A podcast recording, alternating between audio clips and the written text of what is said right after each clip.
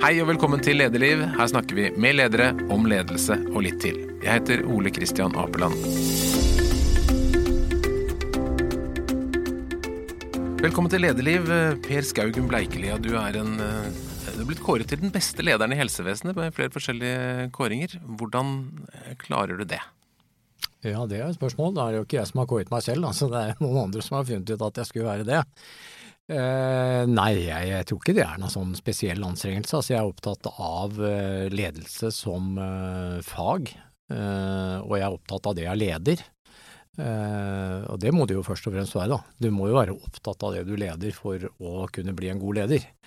Uh, og det er jo veldig lett å egentlig bli opptatt av å lede sykehus. Uh, jeg vil jo si at det er en av fundamentene i velferdsstaten som gjør at folk er, er ivrig på at sykehus skal fungere.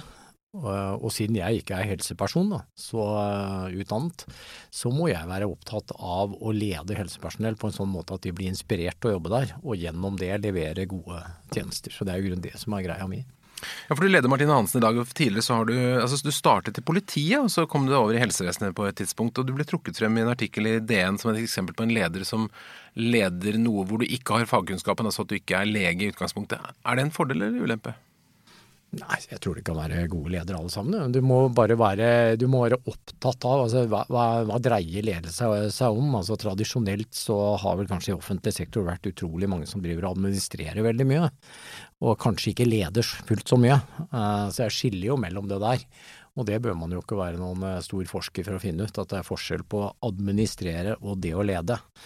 Uh, og jeg tror at de som uh, fagpersonene som er i helsevesenet, de trenger veldig klart bare en intensjon om hvor man skal, men de trenger ikke en detaljert ledelse eh, når jeg snakker om toppledelse. Eh, fordi eh, de som jobber i helsevesenet er utrolig flinke, men helsevesenet er sånn sammensatt at det du må klare å få til, det er hvordan du kan få en hel gruppe som består av folk fra vaktmesteravdelingen til de fremste professorene vi har her i landet, til å se at det vi driver på med, det er noe i fellesskap. Eh, vaktmesteren holder ordentlig for at folk skal få et godt inntrykk. Han holder det, eh, den avdelingen holder det rent fordi vi skal få lave sykehusinfeksjoner. Og da må man bli, men hvis man skal få til det, så må man bli trukket med i den eh, diskusjonen og se hele linja. Og det, Hvis jeg har noen styrker eh, i det hele tatt, så er det kanskje det at jeg ser alle. Eh, og så tror jeg ledelse, altså samme hvor moderne verden blir, så liker folk som jobber i sted, de liker å bli sett. Eh, og de må se lederne, ikke bare eh, når de sender ut et sånt blad hvor det står bilde av deg, eller eh, hvor du kanskje kommer ned til jul, eller hvor noen skal slutte og takke dem og må bli brifa på forhånd om at nå skal han slutte, men han har vært veldig flink og sånn, men du vet ikke noe om ham. Altså jeg tror at ledelse dreier seg om å skape relasjoner til mennesker, og klargjøre intensjonen veldig tydelig og spille på lag og se folk og virke i det området. Så i helsevesenet så tror ikke jeg noe på sånn avstandsledelse. Der tror jeg på ledelse. Der hvor du er. Der hvor det skal skje. Men som en toppleder for en stor virksomhet, da, som f.eks. Ringerike sykehus du har vært på, så er det jo ikke så, Det er ganske mange mennesker. Hvordan får du tid, hvordan gjør man det helt praktisk hvis man skal liksom se hver enkelt? Jeg syns ikke det er så vanskelig som folk eh, overdriver det til. For det første, altså, det er klart at det har noe med størrelse å gjøre. Bare det blir stort nok, så må du jo bare peke på noen andre, da som må ut av den ledelsen, sånn at folk vet hvem de forholder seg til. Eh, eh, og hvem de skal satse på og tenke at det er min leder. Eller han vil jeg bli ledet av, eller hun vil jeg bli ledet av. Eh, eh det er ikke så veldig vanskelig. På Ringerike sykehus så brukte jeg en sånn eh, metode hvor jeg hver eneste dag Folk sier at de har ikke tid til å gå rundt i virksomheten. Ja, det er veldig vanlig. Ja, men du har ikke tid til å la være. hvis du skal skape den relasjonen. Du skaper ikke noen relasjon med å være på kontoret. Du skaper en relasjon ved å være ute blant mennesker, og hvis det tar en halv time til en time om dagen, så er det kanskje antageligvis veldig vel anvendt tid. For det er ikke alle møter som er så ekstremt fruktbare at jeg ville valgt bort den tiden jeg brukte på å se de ansatte, mot et dårlig møte. Men noen vil jo si at du da går forbi mellomlederne dine? Altså at du skal ta dine, og så skal de ta seg av sine? Nei. Det gjør jeg ikke. Fordi at uh, i min virksomhet så uh, jeg, jeg, prøver nå på Martine Hansens hospital å drive det jeg kaller for et fag- og klinikkstyrt sykehus. Uh, og det betyr at jeg har stilt meg selv på bunn av den organisasjonen i det daglige. Og så har jeg fremhevet mine fagmedarbeidere som diskuterer mye mer fag. Og så har vi ett ledermøte hver 14 dag. Vi har ikke ledermøter hele tiden. Før så hadde vi masse ledermøter, og det var rene allmøtene og i det hele tatt. Så nå ledes det mye nærmere klinikken. De har gitt all power, men vi har klargjort hvor vi skal hva vi skal gjøre, og, eh, og så er det opp til dem. Eh, og jeg tror moder Teresa sa noe sånt som at uh, uh, do not wait for leaders, do it yourself, person to person. Og jeg tror det er ganske viktig. Ikke vent på lederne hele tiden. Men det ligger en slags motsetning der da, mellom å gi ansvaret til de nede og samtidig gå rundt og prate med dem? Nei, nei, nei. Det er ikke noe Jeg kan ikke drive og ta avgjørelser i gangen. Så det driver ikke jeg på med. Men eh, jeg slår av en prat. Jeg vet hva som foregår i virksomheten. De vet hvem jeg er. Eh, og så sier jeg hvis du skal ta opp det spørsmålet, så må du gå til den og den personen og snakke med han, for det er han som avgjør den saken der. Eh, og så, så, hvis jeg drev og tok beslutninger i gangen, så hadde jeg ødelagt for hele lederskapet. Så det driver jeg overhodet ikke på med. Men relasjoner er viktig, og det er viktig å se lederne.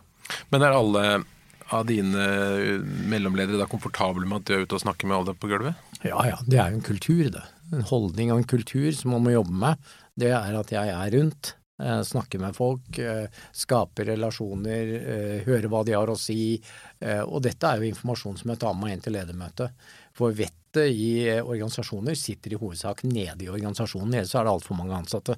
Så hvis jeg hadde alt vettet, så trengte jo ikke jeg mange ansatte. Det er utrolig økonomisk, men eh, antageligvis utrolig dumt. Eh, og det jeg oppnår, det er eh, gjennom den relasjonen så skapes det motivasjon. Det skapes at eh, folk blir sett. Eh, det skapes at de blir verdsatt. Eh, og det, det er det som er min jobb, å få folk til det. For gjennom det da kommer eh, tenkningen om at jeg vil denne bedriften vel, eller denne sykehuset vel, eller denne virksomheten vel. Men mange ledere syns jo at den, det å ta turen fra uh, hjørnekontoret i toppetasjen og ned til gutta på gulvet, som er uh, helt annerledes og en annen kultur, at det er vanskelig. Har du noen triks eller grep for hvordan man får en god dialog med de som er nederst i organisasjonen? Ja, det er å se dem, det. Det er å snakke med dem. Altså, jeg skjønner nesten ikke at du har tid til å bli der oppe på det kontoret. Fordi verdiskapningen foregår jo i veldig liten grad der oppe. I et sykehus så foregår verdiskapningen i det pasienten kommer inn i et sykehus. Eh, det du er opptatt av da, det er at du møter eh, dyktige fagfolk. Sykepleiere, leger, andre. Og at du møter hyggelige mennesker. Eh, det gjelder, altså Du må lage en hel kultur for dette. Altså alt fra den som tar av telefonen når du ringer, må være høflig og hyggelig. Fordi at i andre enden kan det være noen som er i den dypeste krise, og et dårlig svar der kan være nok til at du blir helt bryter helt sammen, eller at du ødelegger hele dagen, eller du vet ikke, du blir helt oppgitt, du skjønner ikke hvordan du skal gjøre det. Så alle må ha den kulturen. Vi skal være høflige, vi skal være hyggelige, vi skal være imøtekommende. Vi skal heller være på tilbudssiden enn på avvisningssiden. Og når folk kommer inn i dette sykehuset, så er det jo et fåtall som kommer inn der som er alvorlig syke, som tenker hvordan går det med den direktøren i dag, tro? Det er jo det dummeste du i tilfelle har tenkt på. Fordi at det du skal tenke på er din egen helse, og du skal tenke på er dette flinke folk. Og det første skapes i denne relasjonen mellom mennesker. At du, eh, ikke sant? Jeg har selv vært pasient, og jeg vet at eh, den der, den der hyggelige tonen eh, når en sykepleier sier at du, dette skal gå fint, nå kommer det snart noen, osv., osv. Og noen ganger er det mye verre. Da, man, da, er det ingen å snakke med, fordi pasienten er rett og slett ikke der. Da må du satse på disse fagfolkene, at de er dyktige, at de har relasjoner til hverandre, at de vet, vet hva den enkelte av dem skal gjøre. Det er da det blir bra. Det er det som er hele funksjonen. Men Du sier du må skape en sånn kultur, det kan jo alle si seg enige om, men, enig i, men øh, hvordan gjør du det? Hvordan starter man med å endre en kultur eller utvikle en spesiell kultur? Du kan for eksempel, eh, du kan f.eks. ta eh, Eggen da, innenfor fotball. Hva var det han skapte? Han flyttet ikke inn i det største høyhuset som var, han ble brakka.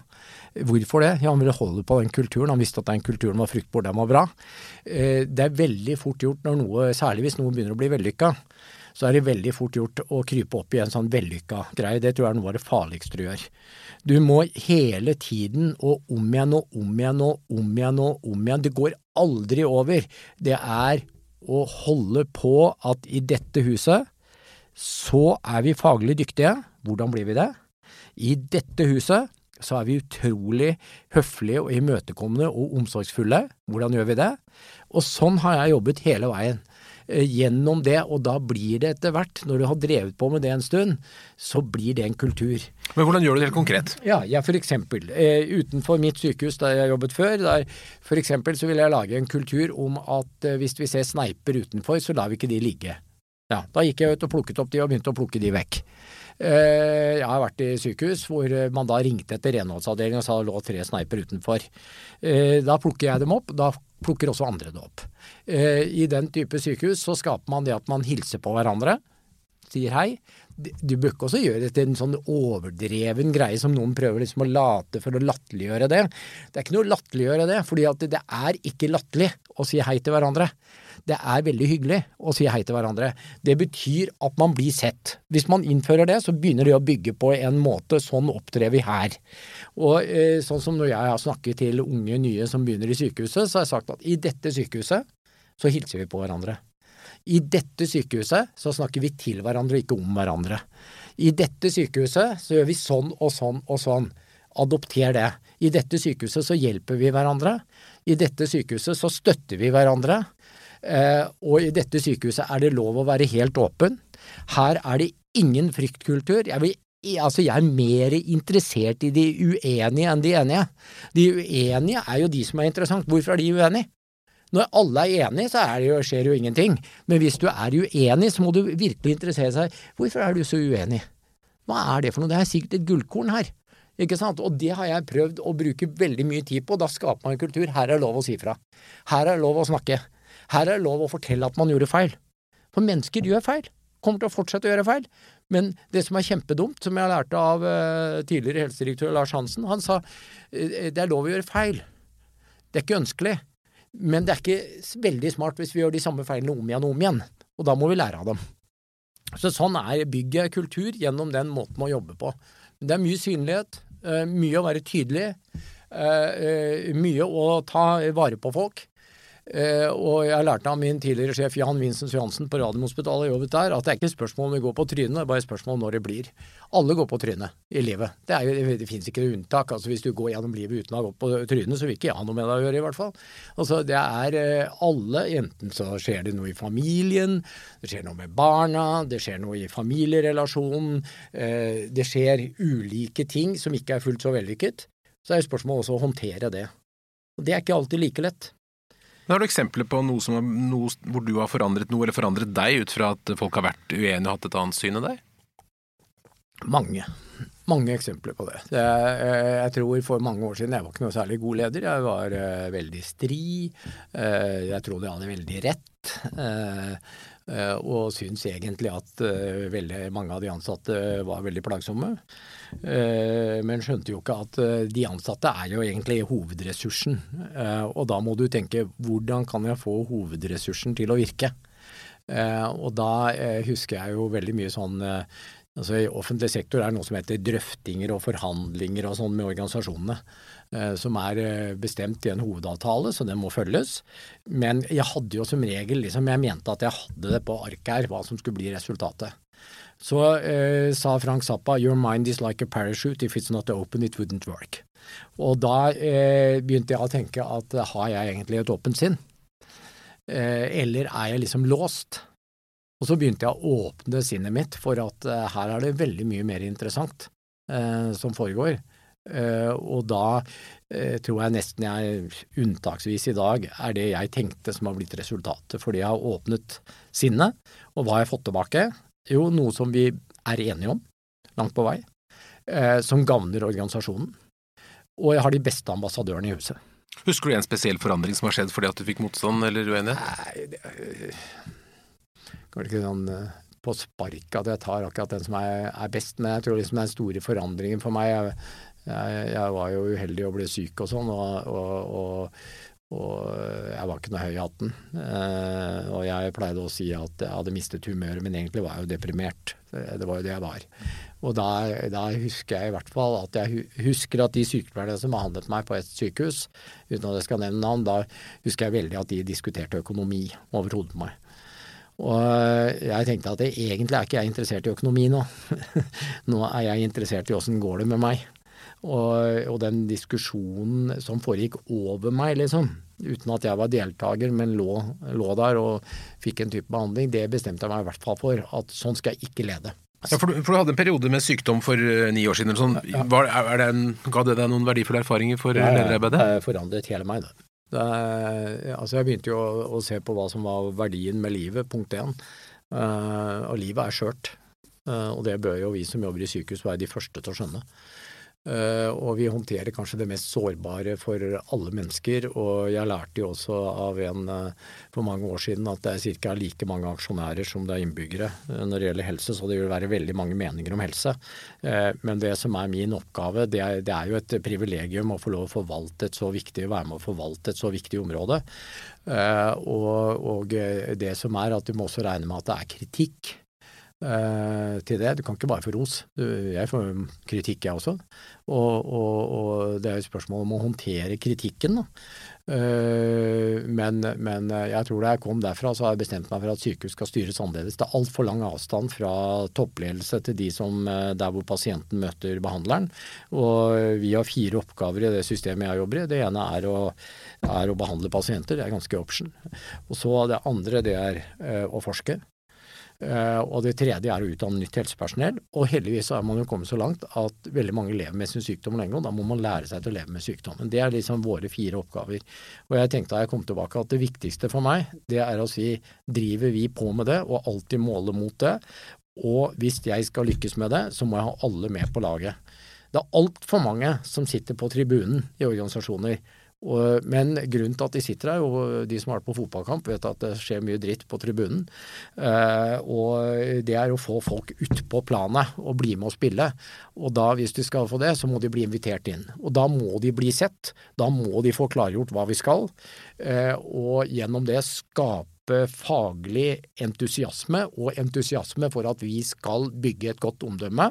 Og i dag så har eh, helsepolitikerne gitt pasienten med rette Masse fullmakter, masse rettigheter, mange muligheter. Og vi, de har gitt de mange frie valg. Og hvis vi skal være et førstevalg, så må vi være kjent for å være et sånn type sykehus. Og det som gledet meg mest uh, veldig ofte, det var jo rett og slett bare når jeg tok en liten runde ut av kontoret, det var å treffe pasienter som visste hvem jeg var, og slå en prat. Og de likte veldig godt at uh, jeg liksom tok den praten. Og jeg lærte veldig mye. og tok de innspillene med meg. og så tror jeg også at ledelse dreier seg om tillit. Altså. Det er utrolig mye kontrollregimer og litt for lite tillit, og folk liker ikke det de generasjonene som kommer nå, liker i hvert fall ikke. Men offentlig sektor, og kanskje særlig helsevesenet, det er veldig mye rutiner og kontroll og systemer og rapportering? Jo, det er rutiner og kontroll og sånn, men det er liksom den administrative oppgaven som man bare må finne seg at sånne ting må vi gjøre for at vi skal være med på kvalitetsindikatorer for å være med på sånn. Og så må, da kan du motivere deg litt andre veien da, og si at grunnen til at vi er det, er for at pasienten skal kunne være informert om åssen det går. At vi skal tåle å bli sammenligna med hverandre. Eh, så det er ikke nødvendigvis, men hvis du liksom legger opp til at dette er grusomt, dette er bare kontroll, dette er bare sånn, dette er bare sånn, dette er bare sånn. Men jeg har full tillit til folk i det daglige og måten de gjør jobben på. Nå snakker du mye om hvordan du selv går rundt og snakker med folk og lytter osv., men har du også nedfelt disse ønskene om hvordan organisasjonen skal være? Er det, er det verdier som henger på veggen, ja, eller hvordan gjør du det i praksis? Ja, på Martina så jobber vi med dette som eh, verdier. Eh, jeg utvikler denne modellen min hele tiden, og jeg lærer jo hele veien. Eh, så jeg var langt fra fullkomment da jeg var på Ringerike sykehus, men jeg er nok inne i et enda bedre spor nå. Men la oss ta det helt konkret nå, for du, du kommer deg til et nytt sted, du skal ha inn noen uh, nye verdier. Er det en kollektiv prosess, eller er det sånn at du setter deg på rommet ditt og bestemmer hvordan det skal være? Nei, nei det er en kollektiv prosess. Hvordan gjør du det i praksis? Ja, da, sånn som Hvis jeg tar på Ringerike sykehus, da, da spurte jeg de ansatte, altså de som representerte alle de ansatte, tillitsvalgte og sånn, som jeg syns er viktige elementer. fordi at den nordiske modellen så er vi vant til medbestemmelse gjennom at vi har tillitsvalgt som representerer de ansatte. Da diskuterte jeg med dem og de lederne som var der fra før, eh, om eh, hvordan vil dere lede dette sykehuset, sa jeg. Hvordan vil dere at dette skal ledes? Det var de som kom opp med at de ville ha mer makt til eh, klinikken, og sa at gjennom det eh, så skapes det bedre resultater, for da har vi mer eierskap til resultatene. Nå er det liksom en avstand. Vi driver med pasienten, og det driver med noe annet.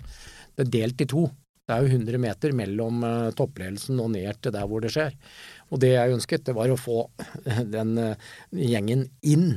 For det er jo dem som skaper dette. Altså, det er ikke, jeg har blitt spurt av flere, er det ikke vanskelig å lede leger? Nei. Det er ikke vanskelig å lede leger. Altså, jeg jobber på sykehus, jeg. Legene har sin arbeidsplass helt naturlig der. Det er sånn som meg som egentlig ikke har en naturlig arbeidsplass på et uh, sykehus. Uh, og da må jeg vel skjønne at de er ikke noe vanskelig å lede. Vi må bare finne ut hvordan skal vi gjøre det sammen. Uh, og da jobbet vi med det, og lagde da to sånne klinikker, da. Så gikk fra et eh, stort allmøte som ingen, eller ledermøte som ingen hadde noe glede av, uh, hvor det liksom tok flere timer bare for at alle skulle få sagt noe i fem minutter. Og da fikk vi mye tettere, for da leder de som er klinikklederne, rett på faget. Hele veien. Men det ligger selvfølgelig økonomi der, det ligger selvfølgelig ulike parametere og sånn, men det er også noe med å gjøre oppgavefordeling i sykehus. Du bør jo ikke bruke en spesialist i gastromedisin til å fylle ut all verdens skjemaer hvis det ikke er skjemaer som angår akkurat gastromedisin. Men hvordan kommuniserer du underveis? Altså, blir dette slått opp på veggen, eller hvordan gjør du det? Jo, jo. Altså det er allmøter. Jeg har allmøter. Eh, jeg har dialogmøter med de ansatte hver 14 dag. Da har vi et dialogmøte hvor de ansatte møter. Vi har allmøter fire ganger i året. Eh, og vi har ulike treffpunkter på avdelinger hvor vi er inne og snakker om dette med verdier i forhold til hvordan vi vil styre, hvordan vi vil fremstå, eh, hvordan vi vil være. Eh, og gjennom det så utvikles jo dette, men det er jo ikke bare meg. fordi at da tar disse til seg det, og de tillitsvalgte er med på denne måten fordi de får tung medbestemmelse, og de er ikke et hår i suppa. De er en viktig del av å lede og drive sykehuset. Og øh, hva er verdiene på Martin Hansen akkurat nå? Verdiene på Martin Hansen det er høy kvalitet på det faglige. Det er god tilgjengelighet for pasientene. Og jeg har eh, i tillegg sagt at vi skal ha tung omsorg, fordi jeg er litt redd for, og det er kanskje min egen erfaring som pasient, da, at jeg, eh, omsorgen var en viktig del av dette her. Altså, eh, kvaliteten på faget har stort sett vært der hele veien, overalt. Eh, tilgjengelighet er eh, nok noe som tilhører nye generasjoner som ikke eh, Det er et skille her. Hvis jeg tar min far, så har han veldig god tid. Han skal til fastlegen, han er fornøyd, han har fått time om fire uker. De generasjonene som kommer nå, de er vant til umiddelbar behovstilfredsstillelse. Og det må vi, enten vi liker det eller ikke, så er det en endring. Fordi at medier og alt går mye fortere enn tidligere. Alt går fortere, og eh, folk vil ikke vente. Eh, så vi må være gode på tilgjengelighet. Eh, men så må vi ikke glemme et ord. I denne tid hvor alt blir digitalisert og hvor alt endrer seg veldig mye, må vi ikke glemme én ting, og det er ordet omsorg. For det tror jeg er faktisk en god del av behandlingen.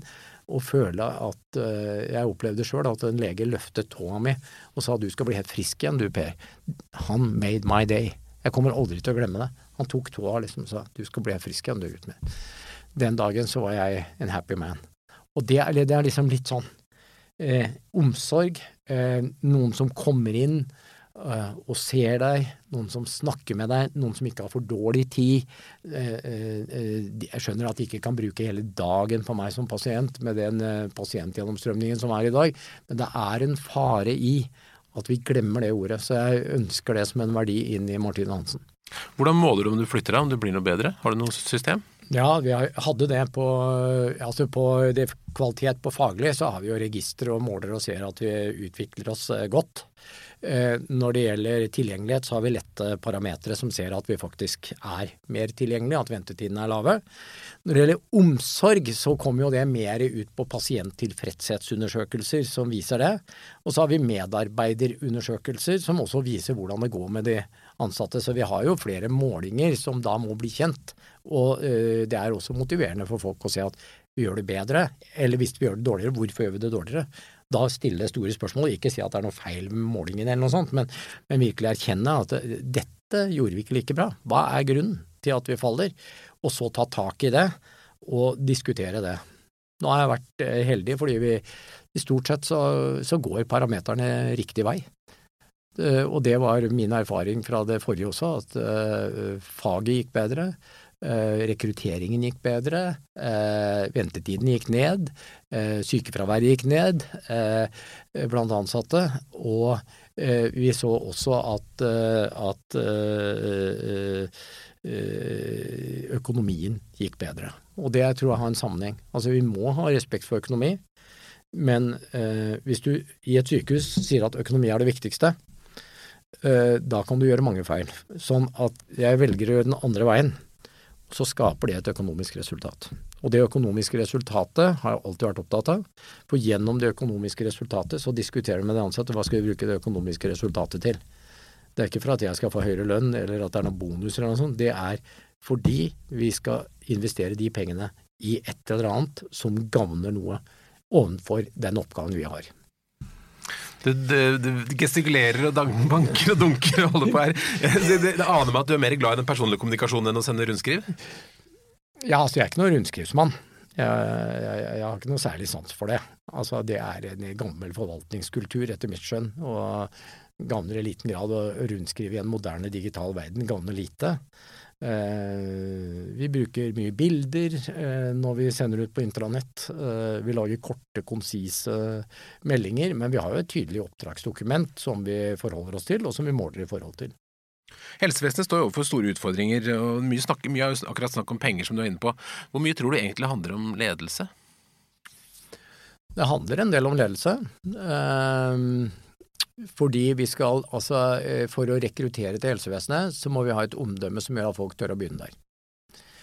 Eh, vi, må ha, eh, vi må ha ledere som klarer å sam, samarbeide godt. Og det er ikke bare med ansatte for helsevesenet, det dreier seg om veldig mange. I en sånn interessentanalyse så blir man overrasket over hvor mange interessenter det er. Vi har fått en veldig tung brukermedvirkning som er veldig bra. Vi må snakke med brukerne, de som bruker sykehuset, og det gjelder oss alle. Jeg bruker det òg. Så eh, vi må snakke med brukerne. Vi må snakke med de omkringliggende kommunene for utvikling av eh, lokalsamfunnet, for helse er noe av det som folk etterspør hvis de skal etablere seg. Eh, og Derfor må vi ha en, en god forståelse den veien. Vi må forstå politikk. Uh, og uh, fagfolkene de er jeg ikke noe redd for, for de forstår så inderlig godt sitt fag. Og jeg tror erkjennelsen av dyktige fagfolk er ekstremt viktig. Om de nødvendigvis skal bli lederne i sykehusene, det er jeg ikke sikker på.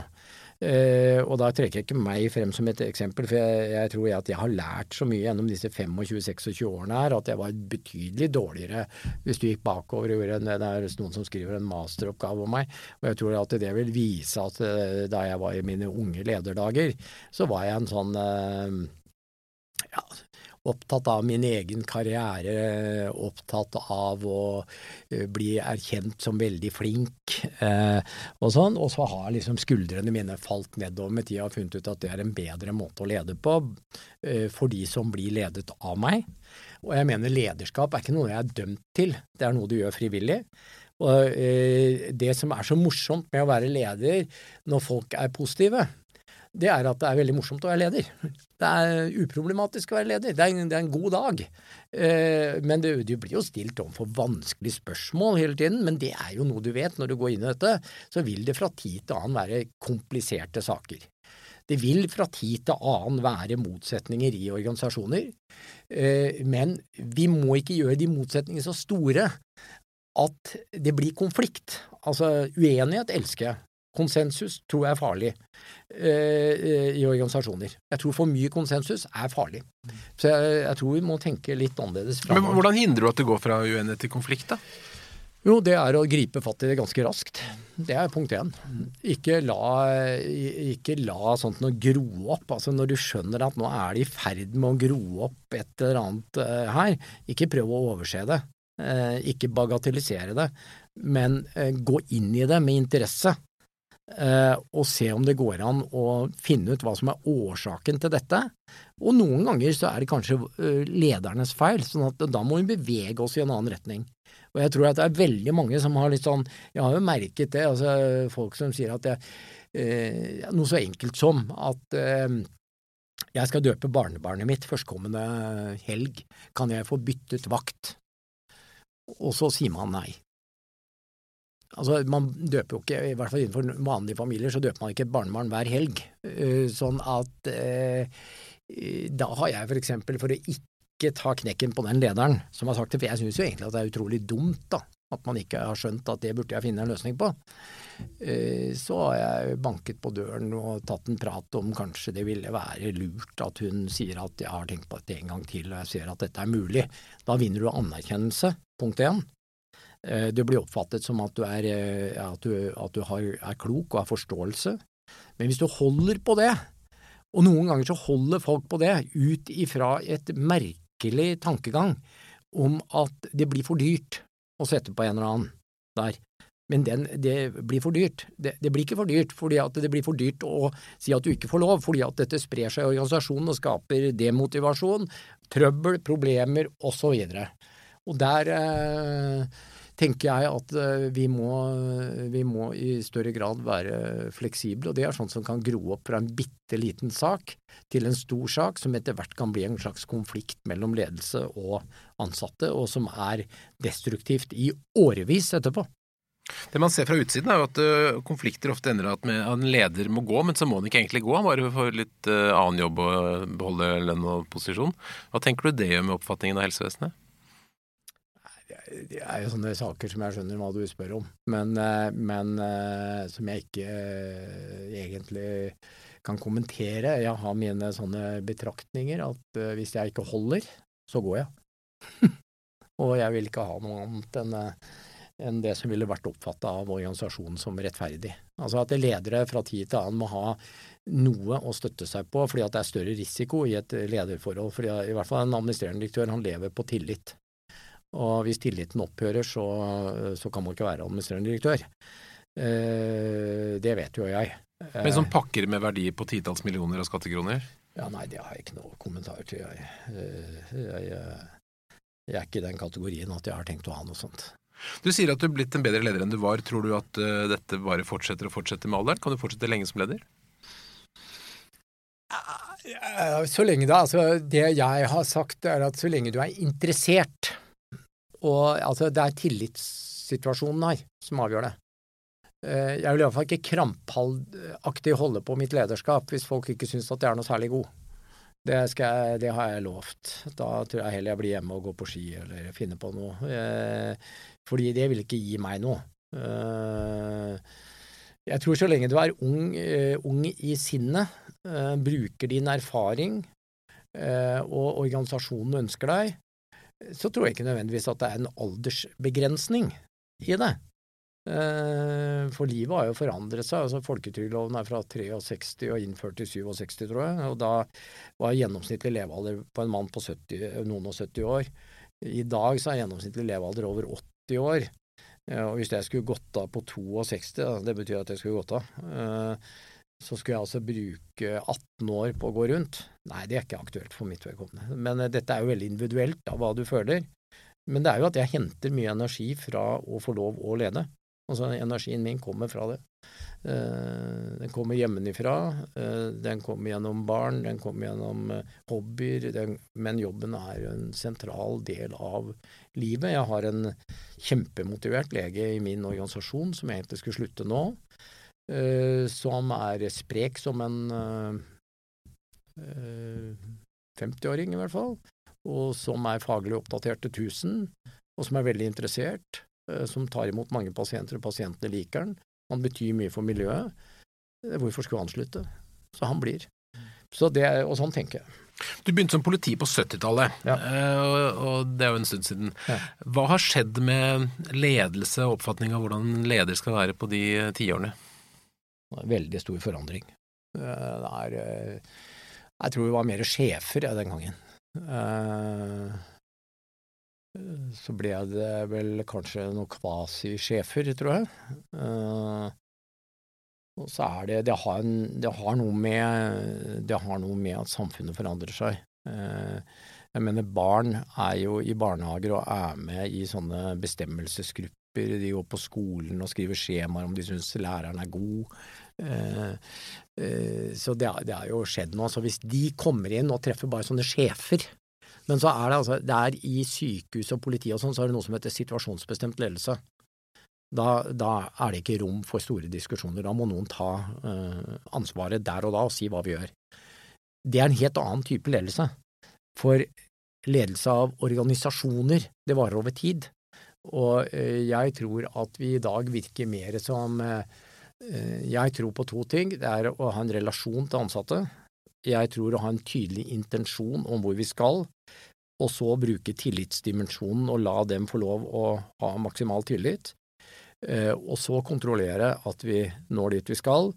Eh, og gjennom det så er det nok mer coaching vi driver på med eh, i systemene våre i dag. Og vi skal gjøre oss attraktive, og jeg tror ikke Altså, arbeidskraft er det mest kritiske i en organisasjon, og hvis vi skal rekruttere de vi vil ha, så må vi være attraktive å jobbe for. Så hvordan tror du det kommer til å utvikle seg de neste ti år?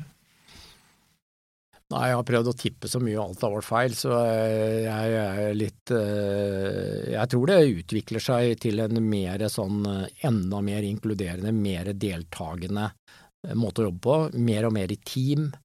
Eh, færre og færre sånne individualister på toppen med mye makt. Og det er jo ikke noen regimer i verden som har lykkes veldig med den type makt. Du, du lykkes vel mest med å spre makt. Pluss at jeg tror at makt er farlig, eh, og makt må man fordele eh, for at eh, ting skal gå veldig bra. Så jeg tror det går veldig i retning av en inkluderende lederstil. Når i karrieren din har du følt deg aller best? Har du én hendelse hvor du liksom følte at nå er jeg en skikkelig god leder? Jeg følte meg veldig god på Ringerike sykehus. Jeg gjorde det. Jeg følte meg veldig ydmyk over å få lov å lede et sånt uh, sykehus uh, på den måten. Jeg følte at jeg var gitt veldig mye Enten var jeg gitt, eller så tok jeg mye retning sjøl. Uh, jeg ble i hvert fall ikke stoppa, og det var vel fordi at resultatene også ble levert. Hadde jeg ikke levert resultatene, så hadde jeg sikkert blitt stoppa og dømt nord og ned. Jeg har jo hørt veldig ofte at du leder jo bare små sykehus, så det er jo ikke så vanskelig og sånn. Eh, jeg er usikker på det. Eh, hvis eh, organisasjoner er for store og man har organisert det sånn, og man mener at det ikke er mulig å få det til sånn, så i mitt hode så blir det svaret på at antageligvis må være feilorganisert, da. Hvis det ikke er mulig å ledde. For det er forskjell på en sånn privat konsern som man kan gi ut en privat policy for hvor man skal, og det å lede denne type kunnskapsmedarbeidere, eh, det krever nok tilstedeværelse, og det krever engasjement. Eh, og jeg driver nå og skriver et foredrag om eh, for jeg har noen sånne foredrag jeg holder, og nå driver jeg og lager et om engasjement og dedikasjon. For jeg mener at veldig mye av ledelse, hvis du skal få folk med deg, da må du være engasjert sjøl. Du må være dedikert du må synes at dette er faktisk det er en viktig samfunnsoppgave, og det er ofte smart å minne seg om eh, Jeg tror det var eh, Janne Karlsson som sa 'the moment of truth'. Og det er noe som heter sannhetens øyeblikk, og i sannhetens øyeblikk så må du på en måte eh, Du må ha, ha skjønt hva som er sannhetens øyeblikk for den virksomheten du leder. Hvis en ung medarbeider kommer til deg og sier 'jeg skal bli en superbra leder', akkurat som deg, hvilke tre råd vil du gi? Hvis en ung leder kommer og sier det, så sier jeg at det, er ikke sånn det skjer. Um, det er noe du utvikler over tid. Uh, og jeg lærte også av en annen uh, som lærte meg at det fins jo flere farlige typer ledere. Uh, det er nok lettere å bli en farlig leder som ung enn som erfaren. Så hvilke tre ting skal man passe på for å ikke bli det?